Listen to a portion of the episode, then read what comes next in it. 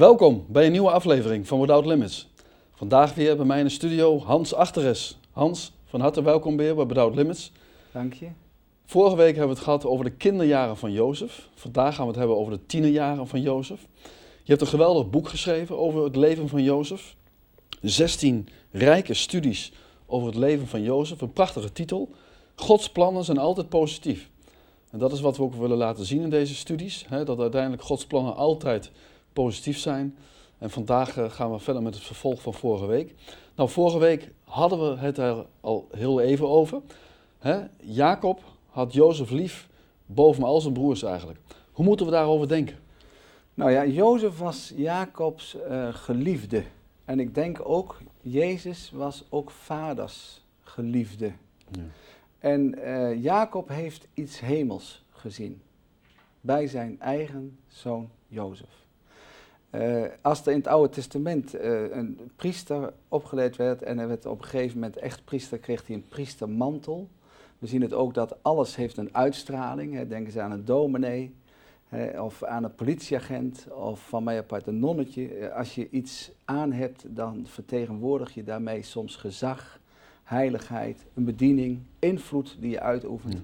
En zo heeft Jacob voor Jozef Ehm, eigenlijk vertaald de liefde die hij voor hem had, maar ook het geloof wat hij in hem zag en de bestemming zonder dat hij doorgronden kon wat en hoe, heeft hij hem een veelkleurige mantel gemaakt. Een, een, een schoonheid om te zien. En natuurlijk, maar dat is even een toevoeging, zijn wij door Christus ook krijgen wij nieuwe kleding, een nieuwe mantel, maar dat zal allereerst moeten gezien worden op ons gezicht. Ja. dus uh, ja, ik denk wel dat als je Jozef zo zag, en die broers hadden dus al moeite met hem, die hadden een hekel aan hem, die vonden hem toch te opvallend, nou dan werkt dat als een rode lap op een stier. Dus ze zien daar iemand, een jongen van 17, die daar vorstelijk door het leven gaat, terwijl het dus kuddes is, landerijen en buitenlucht vaak, en hun natuurlijk totaal anders gekleed zijn. Uh, het komt toch over als statussymbool. Hij is meer dan herkenbaar, hij ziet er mooi uit, opvallend. En uh, de broers vinden hem verwaand en Jozef is voor hun een doorn in het oog. Maar Jacob ziet dat meer als een soort hemels koningskleed. Maar ze waren eigenlijk jaloers, hè, de broers? Ze waren, ja, dat, dat begon natuurlijk langzaam, maar dat werd al sterker, al sterker. En ze hadden nauwelijks contact. En ze merkten ook nog dat hij natuurlijk wel geregeld bij hun was. En dan hoorde hij, ik noem maar wat, schuine moppen, vloekwoorden, uh, oneerlijke handel. En noem maar op en noem maar op. En hij vertelde dat zonder dat hij dat direct, denk ik, verkeerd bedoelde, maar hij vertelde het aan zijn vader. Hij wist dat zijn vader van andere gezinten was, hij ook. En uh, nou ja, die broers hoorden natuurlijk dan wel dat uh, hij daar wel eens wat over zei. En toen kregen ze nog meer een hekel aan hem. Mm. En vonden ze hem vervelend worden. En ze zetten hem vaak in voor allerlei knechtjeswerk. Vooral uh, nou, de, de zonen van de bijvrouwen, die hebben hem dus eigenlijk daarvoor gebruikt. En ik denk dat hij enigszins gezien zijn leeftijd wat argeloos was. Ja. ja. En toen kwam die mantel en, en ja, ik, eh, je zou zeggen inderdaad, uh, toen was het al zo dat Jacob voelde of zag ergens die duif van hem op, op hem.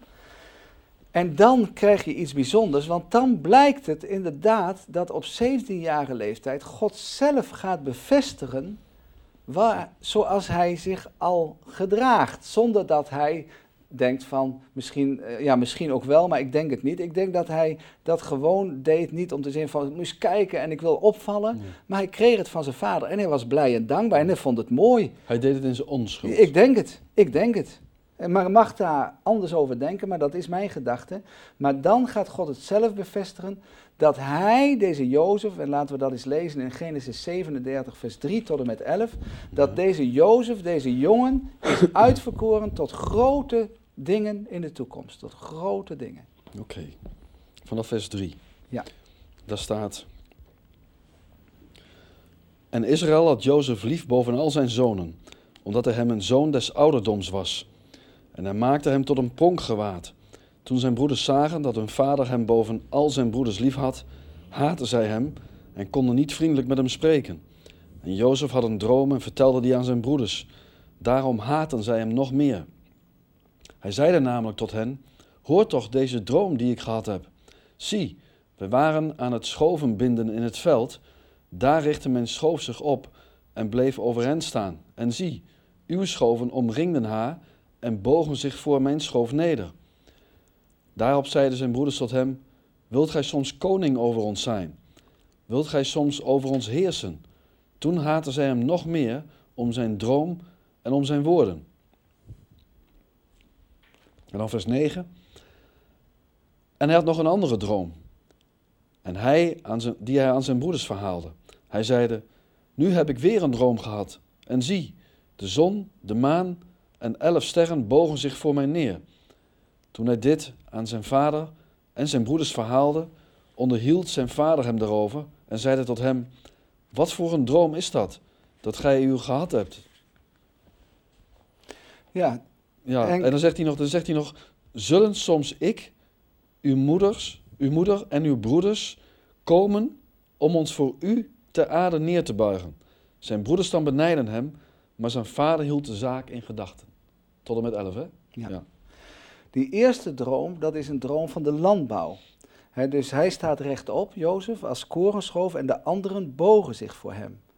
Dat is de eerste droom van God aan Jozef Ja. getoond. Maar die tweede droom is nog krachtiger. Die spreekt van de hemel.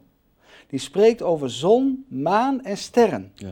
Dus met andere woorden, God zegt van hier gaat nog meer gezag vanuit. Als jullie de eerste niet geloven, dan de tweede. Die is nog even krachtiger. Zelfs de zon en de maan en de sterren, elf sterren, dat zijn natuurlijk zijn broers en zijn vader en moeder, die zullen buigen, inderdaad, zegt hij, voor mij. Dat zegt hij. En, hij- en die tweede droom, eh, die vertelt hij dus ook aan, eh, ja, voor, voor twee keer. Hij vertelt dus die dromen twee keer zelfs. Hè? Dus aan zijn broers, die horen hem twee keer. En hij vertelde, meen ik, voor de eerste keer aan zijn vader. En ik denk dat hij min of meer argeloos dit vertelt, min of meer. Ehm, hij vertelt dit en hij begint te zeggen met vers 8, meen ik, met luister, hoor.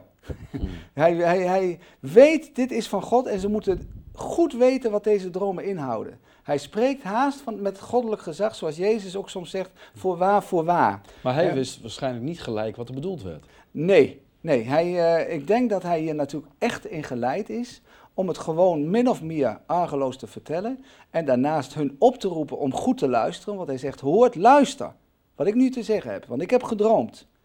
Nou, de reactie is dat ze vuurrood worden. Ja. Ik denk tot twee keer toe dat ze het horen. En er komt een explosie bij hun. Hè, de haat die er al was, neemt toe. En ze zeggen, wil jij soms koning over ons worden? Wil jij over ons heersen? En eh, vader Jacob staat daarbij bij de tweede keer. Die hoort die, allebei de dromen. En vanuit zijn mens zijn schudt hij met het hoofd. hij denkt, dit is niet goed. Dit is niet goed. Hij denkt, dit, dit, dit lijkt me niet goed. En moet eens kijken de reactie van mijn zonen. En hij geeft hem, waar zijn broers bij zijn, een reprimande. Met andere woorden, je moet niet zo spreken. Dit, dit lijkt mij niet goed. Ja. Terwijl hij daarnaast elke dag overdacht wat er gebeurd was. Omdat hij dacht, dat kan toch wel van God zijn. Het kan toch God zelf zijn. Want deze Jacob die hem reprimande geeft, heeft zelf die ladder gezien. Die ladder die Ja. inderdaad tot in de hemel reikte. Dus hij wist ergens, er flonkert iets, maar hij kan het niet begrijpen. Maar inderdaad, ja, Jezus Christus, de meerdere Jozef, inderdaad heeft ook dingen gezegd. Hè, waar mensen van schokken. Jezus was als mens en toen zei hij, ik, als ik eenmaal later mijn stem zal gebruiken, worden alle doden opgewekt. Alle doden. Als ik eenmaal, inderdaad, zullen alle mensen zullen geoordeeld worden. Want aan mij is het oordeel gegeven. Ik geef eeuwig leven. Dat zegt Jezus allemaal in Johannes. Ik meen Johannes 6. Hè, of Johannes 5, sorry, Johannes 5. En eh, dan zeggen de mensen om me heen, wat? Jij, u, et cetera. En ze, die broers vinden hem natuurlijk maar een klikspaan, een arrogant ventje, een opschepper. Maar Jezus, of sorry, God had gezegd voor waar, voor waar. Als iets twee keer van God gebeurt, God laat iets zien of hij laat iets, eh, ja, een droom geeft hij, dan is het net zoals Jezus zei, voor waar, voor waar, dan staat het bij God vast. Ja. Dan zal het absoluut gebeuren. Dan is het bevestigd, zeg maar. Dan zal het gebeuren. Ja. En, en Jozef, die beseft ook vanaf dat moment, ondanks dat hij de argeloos vertelt, ik kom uit een bijzondere familie. Deze twee dromen zijn van God en het pronkgewaad is niet voor niks. Ergens.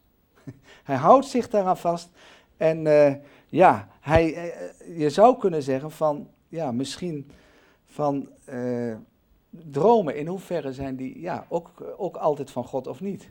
Ja, want, want inderdaad spreekt God vaker door dromen. Ik, ik, heb zelf een keer ervaren, ik, ik, ik droomde, toen had ik nog nooit gesproken. Dat is jaren geleden. En toen droomde ik, ik zag mezelf spreken in een grote gemeente. Ik sprak in tongen en er stonden twee evangelisten naast me, maar ik kon niet verstaan wat ik zei. En op een volgend moment zat ik op een tribune, stond er een televisietoestel voor mij. En op dat toestel, daar zag ik wat ik net vertelde. Ik zag mezelf op televisie spreken, twee evangelisten naast me. Ik sprak in tongen, kon nog steeds niet verstaan wat ik zei. En toen kwam er iemand van de linkerkant en die kwam de tongentaal uitleggen. En hij zei dat er gesproken werd je moet het aan allen vertellen. Amen. En toen werd ik wakker. Amen. En toen dacht ik gelijk, dit is van de Heer. En diezelfde week werd het twee keer bevestigd. Gelijk die, die dag dat ik wakker werd, werd het bevestigd. Dat was op een dinsdag. Maandagnacht kreeg ik die droom. En op vrijdag werd het nog een keer bevestigd. En ik had al tegen Edwin, die zit hier achter het geluid, had ik al gezegd van, ik ga het evangelie verkondigen. Had ik nog nooit gesproken. Dat is, toch bijzonder. Hè? Dat God echt zo'n droom kan geven die dan ook daadwerkelijk uitkomt. Als God wat wil, dan zet hij soms de mens stil. Dan spreekt hij soms in de nacht dat de mens inderdaad uitgeschakeld is. Uh, we zien dat vaak, dat normaal zijn dromen bedrog, ook bij gelovigen. Soms ben je blij dat een droom natuurlijk niet uitkomt, dat is ja. logisch, want dan schrik je een ongeluk. Dan denk je, dit kan niet waar zijn, mijn auto is gestolen of iets dergelijks, blijkt gewoon een droom te zijn. Maar natuurlijk zijn de dromen van God, zoals straks bij de farao, uh, de man van Maria, hè, Jozef, die toch duidelijkheid krijgt in de droom. De vrouw van Pilatus. Abraham heeft gedroomd. Isaac. Uh, denk aan Paulus, de Macedonische man. En jijzelf, wat je vertelt. Geweldig. Echt geweldig. Ja. Dus we, konden, we kunnen duidelijk concluderen, God spreekt door dromen. Ja, en dan weet je ook dat het God is. En noem maar op, door alles wordt het bevestigd en je voelt het, je merkt het, je ziet het en je weet het. En je richt je ernaar. Ja. Ja. Als je kijkt hè, naar, naar die hemelse dromen, die koningsmantel, hè, die bijzondere familie waar we het vorige week over hebben gehad. Uh, zou Jozef deze dingen begrepen hebben? Uh, ja, toen, hè? Toen. Ja, ik denk, ik denk gewoon ergens wel. Omdat hij, hij moest uh, zo'n moeilijke weg, zo'n weg van beproeving door heel veel jaren heen dat die dromen onder anderen onvoorstelbaar krachtig hebben gesproken. En ergens ook dat pronkgewaad. En inderdaad die verhalen die zijn vader heeft verteld en wat hij heeft meegemaakt en noem maar op. Absoluut. En daarom is het soms zo bijzonder van wat heb jij of heeft de luisteraar of toehoorder of degene die kijkt, wat heeft die vanuit kinderjaren of jeugd al iets van God ontvangen, gezien, ja. waarvan hij zegt, dat was de Heer. Ja. Daar begon hij. Of toen is hij met me verder gegaan. Ik moet denken aan een, uh, een spreker. Uh, is een uh, bijbelleraar, Perry Stone heet hij. En hij vertelde een keer dat hij een droom had gehad, ook van de Heer. En dan zag hij een meisje van rond de 12 jaar. En hij zei in die droom, wie ben jij? En toen zei dat meisje, ik ben je dochter, Amanda. Maar hij had helemaal geen dochter. En toen werd hij wakker en hij wist ook dat is van de Heer. En jaren later pas, ik geloof wel meer dan tien jaar later, toen ontvingen ze een dochter. En uh, die heet Amanda. En toen ze twaalf was, zag ze er exact zo uit zoals God hem toen had laten zien. Dat is toch bijzonder, hè? Ik, ik denk altijd, als God aan het werk is, zijn er drie V's. De eerste V verrassing, de tweede V verbazing en de derde V verwondering. Ja, dat is prachtig. Ik ga even iets verder. De broers waren al weken of maanden weg met hun kuddes. dus ze hadden een hekel aan Jozef, nou, dat was overduidelijk. De haat was al min of meer op het toppunt. Hmm. Ze waren misschien al wel een maand weg of langer. En Jacob bad voor hen. Jacob had zorg voor zijn zonen, had liefde en hij stuurt Jozef de zoektocht. Waar zijn ze? Ze zijn al onvoorstelbaar lang weg en nemen eens polshoogte. En Jozef, als een typebeeld van Jezus, daar hebben we het weer gezegd, hier ben ik. Ik ben bereid om dat te doen. Hij was flink, verstandig, zelfstandig. Hij kon vermoedelijk overleven en had plichtsgevoel, terwijl hij jong was. Want het was zeker 50 kilometer van de bestaande plaats waar ze woonden. En toen ging hij zoeken en hij kon ze niet vinden. En toen kreeg hij een wegwijzer, iemand die de weg wees. En die zei, hé, hey, daar moet je zijn. En uh, ja, dan komt Jozef daar met goede be bedoelingen. Maar die broers zullen denken, en dat, dat, dat krijg je zo van mij te horen, die denken, hé, hey, daar komt die spion. daar komt die zwarte postbode. hij neemt dingen tot me, tot, tot hem, en dan vertelt hij ze allemaal even mijn vader en noem maar op. En, uh, maar God is in dit alles met die zoektocht aan het werk. En van verre zien ze hem natuurlijk, dat pronkgewaad. En ze zijn bij Dothan, en daar liggen geweldige mooie weidegronden in Israël, in Canaan. En er is een handelsroute tussen Babel en Egypte. Dus dit is allemaal niet toevallig. En die broers zeggen, misschien zegt één dat hardop of twee, zeggen, hé, hey, kijk, zie, daar komt die aasdromer, daar komt die meesterdromer. En dat zal nog wel misschien een kwartier geduurd hebben voordat hij er was. Maar ze zagen hem al op de velden komen en schuim komt op hun mond. Ergernis, onvoorstelbare haat, blind van woede en ze verachten hem. En je zou haast zeggen, er komt een soort groepsdynamica over hun heen. Terwijl Jozef nadert en ze zeggen in feite, we doden hem. Hm. Ruben, de oudste, dat is de enige die inderdaad weet het af te wenden. Maar deze broers zijn leven zonder God. Ze willen hun eigen broer, broertje doden. Ze denken ook nooit meer aan de ladder of andere dingen. Ze zijn blind geworden. En uh, ja, dan, uh, dan willen ze inderdaad hem doden. En daarin zie je de macht van de boze. Hij is een mensenmoordenaar. En Ruben wil het nog, het, een reddingsplan zet hij op door te zeggen, doe het niet. Het is ons eigen vlees en bloed. Ver, ver, vergiet geen bloed. Vergiet geen bloed. Maar laten we hem in die put, die drooggevallen put stoppen. Ja, inderdaad. want, want, die kwaadheid hè, van die broers. Uh, jij zegt dat is van de boze, maar, maar komt dat van de duivel? Of komt dat voort vanuit hun eigen vlees misschien?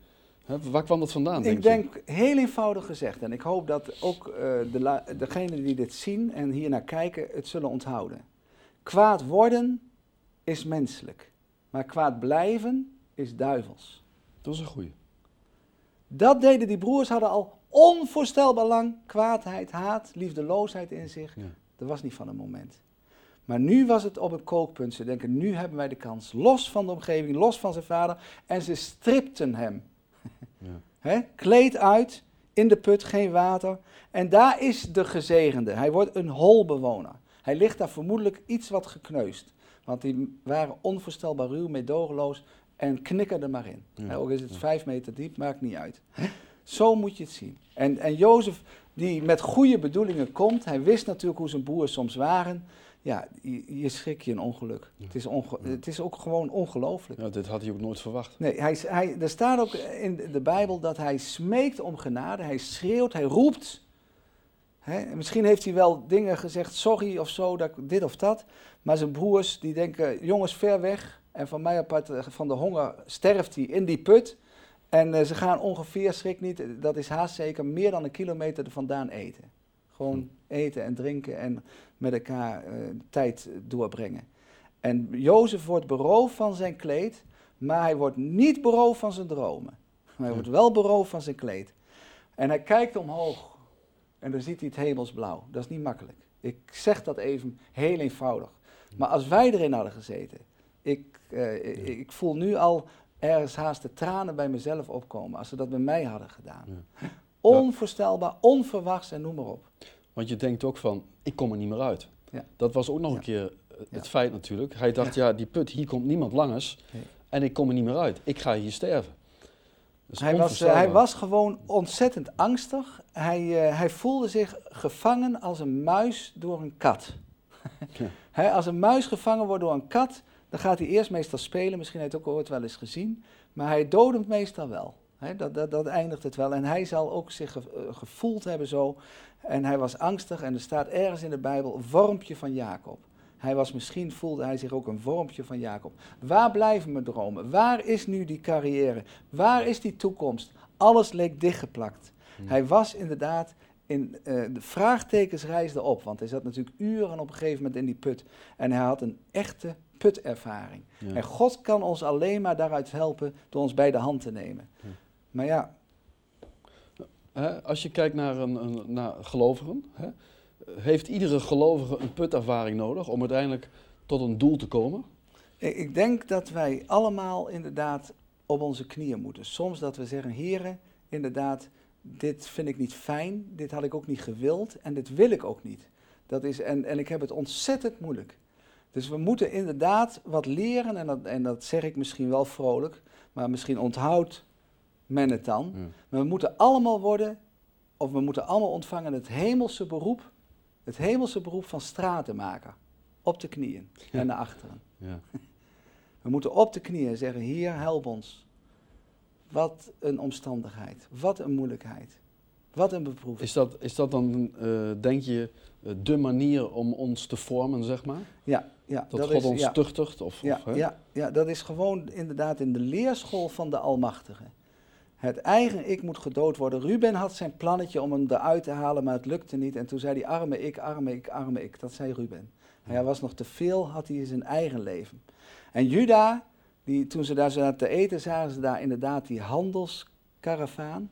En eh, die zag de geld in. Die zei, hé, hey, laten we hem verkopen, dan, dan, dan doen we eh, geen eh, eigen bloed vergieten. Maar dan, nou, dan hebben we nog wat geld en dan kunnen we wat mee doen. En ze verkochten, Jozef staat er, aan de Ismaëlieten en de Midianieten. Ja. Ismaël en Midian, schrik niet, Ismaël en Midian waren de zonen van Abraham. Ze waren een volk geworden, een handelsvolk. En zijn eigen verre familie, zonder dat ze dat ooit wisten, Ja. die nemen hem mee in de handel. 20 zilverlingen, normaal kregen ze 30 voor een, een, een slaaf. Maar die eh, broers dachten ervan af. En hij ging inderdaad op route. Hij ging, hij werd als vee verkocht naar een vreemd land. En hij werd een vreemde voor zijn broers. En hij vervreemde van zijn vader. Voor jaren zal dat gebeuren. Ja, ja. En Jezus zegt ergens, ik kwam uit de hemel tot het zijne, tot het mijne. Dat was Israël, de Joden. Maar het mijne heeft, hetgeen wat van mij was, heeft mij niet aangenomen. Dat kan gebeuren. Hij denkt, hoe is het mogelijk? En ze deden net eh, alsof hij door een wild dier was verscheurd eigenlijk. Hè? Ze gingen toch bloed op die mantel doen. Ja, En dat Ja. lieten ze de vader zien. ja, Zodat de vader ook inderdaad dacht van... hé, hey, hij is omgekomen doordat hij is aangevallen door een wild dier. En die geloofde dat ook. Hij, eh, wat je vertelt, eh, Henk, eh, ja, is onvoorstelbaar erg. Zij, zij pakken dat kleed, dat hebben ze al laten scheuren, of hebben ze met de kamer een beetje zitten scheuren. En ze gaan een soort geitenbokje. En dat bloed, dat is dus, het, het kleed van Jozef wordt rood gekleurd. Ja. Zij bedekken de zonde, maar het echte bloed bedekt onze zonde. Dat is het bloed van. Jezus Christus. Dat, Dat- reinigt ons van alle zonde. En dat is ook weer zo'n geweldige overeenkomst. Ja. Misschien komen we daar zo nog even op terug. Maar ook met die zilverlingen. Ja. Jezus werd ook verkocht voor zilverlingen. Echt, eh, Absoluut. echt prachtig. Absoluut, absoluut. Wil jij nog eens lezen, Henk, eh, Genesis 37, vers 31 tot en met 34? Ja.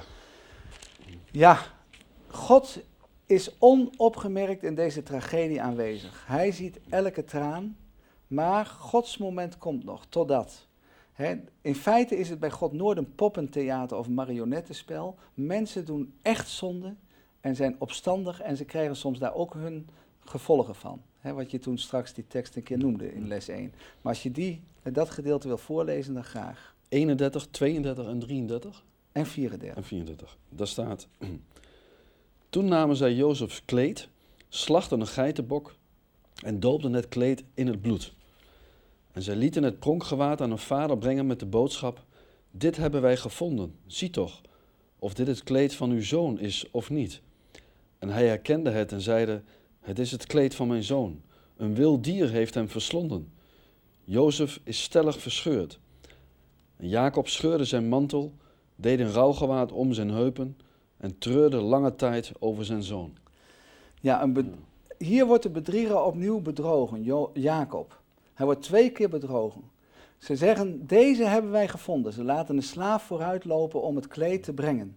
De broers spreken allemaal troostwoorden. En ze zeggen niet tegen Jacob van, dit is onze broer die vermoord is. Nee, dit is uw zoon. Ja. Uw zoon.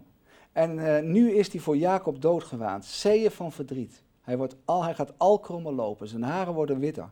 Hij krijgt slapeloze nachten. Hij voelt zich gevoelloos. Het is donker om hem heen, hij verlangt te sterven. Hij snapt er niets van. Hij zag de duif op deze jongens, Jozef. Hij begrijpt het niet, er is twijfel. Zijn hart is verscheurd, hij worstelt en hij zinkt in een depressie. Maar we weten, God blijft getrouw. Jacob zal Israël blijven heten en Israël zal het worden. Ja. Ondanks deze onvoorstelbare verschrikking. Kijk, soms lijkt het net alsof God zich verbergt. Hè? We zien dat uh, inderdaad bij Jacob, maar we zien dat ook bij Jozef. Waarom doet God dat?